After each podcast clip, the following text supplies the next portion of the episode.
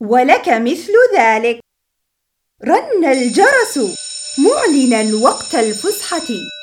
تزاحم الطلاب في المقصف وفي ساحة الملعب. وكل منهم يتحدث مع صديقه. ترك خالد فسحته وركض لصفه. كان الفصل فارغا إلا من محمد خالد صديقه محمدا يبكي.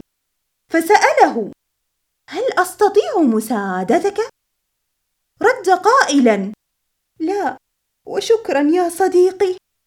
فلم يتركه خالد حتى اصطحبه معه للعب في ساحة المدرسة. حين رجع خالد لمنزله جلس يفكر كيف يساعد صديقه. دون أن يشدد عليه بالسؤال. فكر كثيرا. ثم قال سأساعده بالدعاء.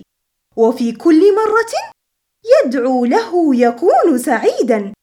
وكان دائما يردد عن أبي الدرداء أنه سمع رسول الله يقول ما من عبد مسلم يدعو لأخيه بظهر الغيب إلا قال الملك ولك بمثل. وأصبحت السعادة لا تفارق خالدا ومحمدا.